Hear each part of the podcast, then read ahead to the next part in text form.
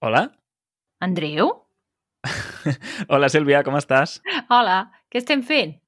Doncs hem vingut a fer un anunci, Com que un anunci? que fem un podcast. Un podcast? Però què és això d'un podcast?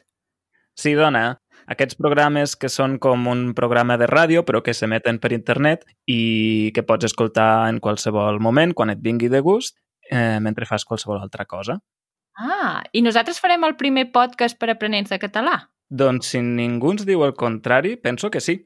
Perquè, vaja, jo conec força podcasts en català, n'hi ha molts, n'hi ha de viatges, de cuina, de feminisme, de política, de literatura, però crec que per aprenents de català, pensat exclusivament per aprenents de català, encara no n'hi ha cap. Mm, molt bé, molt bé. I quan es publicarà? Doncs farem dos capítols al mes que eh, es publicaran la segona i la quarta setmana de cada mes. Aquests capítols estaran disponibles a les plataformes principals de podcasting, per exemple, Apple Podcast, Google Podcast, Spotify i molts d'altres. I també estaran disponibles al web de, del podcast d'Easy Catalan, que és easycatalan.fm. I quan durarà cada episodi? Doncs seran capítols d'entre 15 i 20 minuts. És a dir, seran capítols curts que podrem escoltar o podreu escoltar eh, mentre feu un passeig, mentre traieu a passejar el gos, aneu a comprar o en qualsevol estona en què us vingui de gust escoltar una mica de català. Segur que hi ha alguna ocasió en el nostre dia a dia que tenim aquests 15 o 20 minuts per poder escoltar. I no només escoltar, perquè per aquells que us feu membres de la nostra comunitat de Patreon, també tindreu disponibles la transcripció d'aquests capítols, de manera que podreu escoltar i anar seguint el text per no perdre-us cap paraula i entendre completament el que diem. Exacte, si us feu membres de Patreon no només tindreu accés a la transcripció, com deia l'Andreu, sinó també a la transcripció dels vídeos i els vídeos i els àudios del podcast en format MP3, a més a més de tenir accés a la nostra comunitat de Discord, on hi ha un chat en veu en directe i també escrit i trobareu molts altres materials per poder continuar aprenent català. Sí, però aquí la pregunta important és per què fem aquest podcast, Sílvia? Mira, primer de tot per poder oferir a tots els aprenents de català un format diferent al que fem normalment, que són els vídeos. I a més a més, quan vam fer les enquestes a les nostres xarxes socials, el 90% de les respostes van ser afirmatives, van ser que volien que féssim un podcast. Per tant, si hi ha tanta gent, si hi ha tants aprenents de català interessats en que fem un podcast, serà per alguna cosa. De fet, fa unes setmanes o uns mesos vam parlar amb un noi eh, italià que viu aquí a Catalunya des de fa ja molts anys i té un podcast per ensenyar català als italians i ens deia això mateix.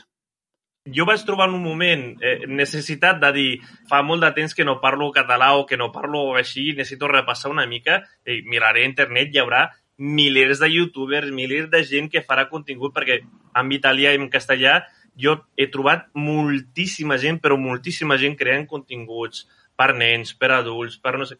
En català no vaig trobar res. bueno, els vaig trobar a vosaltres. Però vosaltres i prou. És que no he trobat a ningú més que, que estigués fent contingut didàctic en català. És que em va sorprendre moltíssim.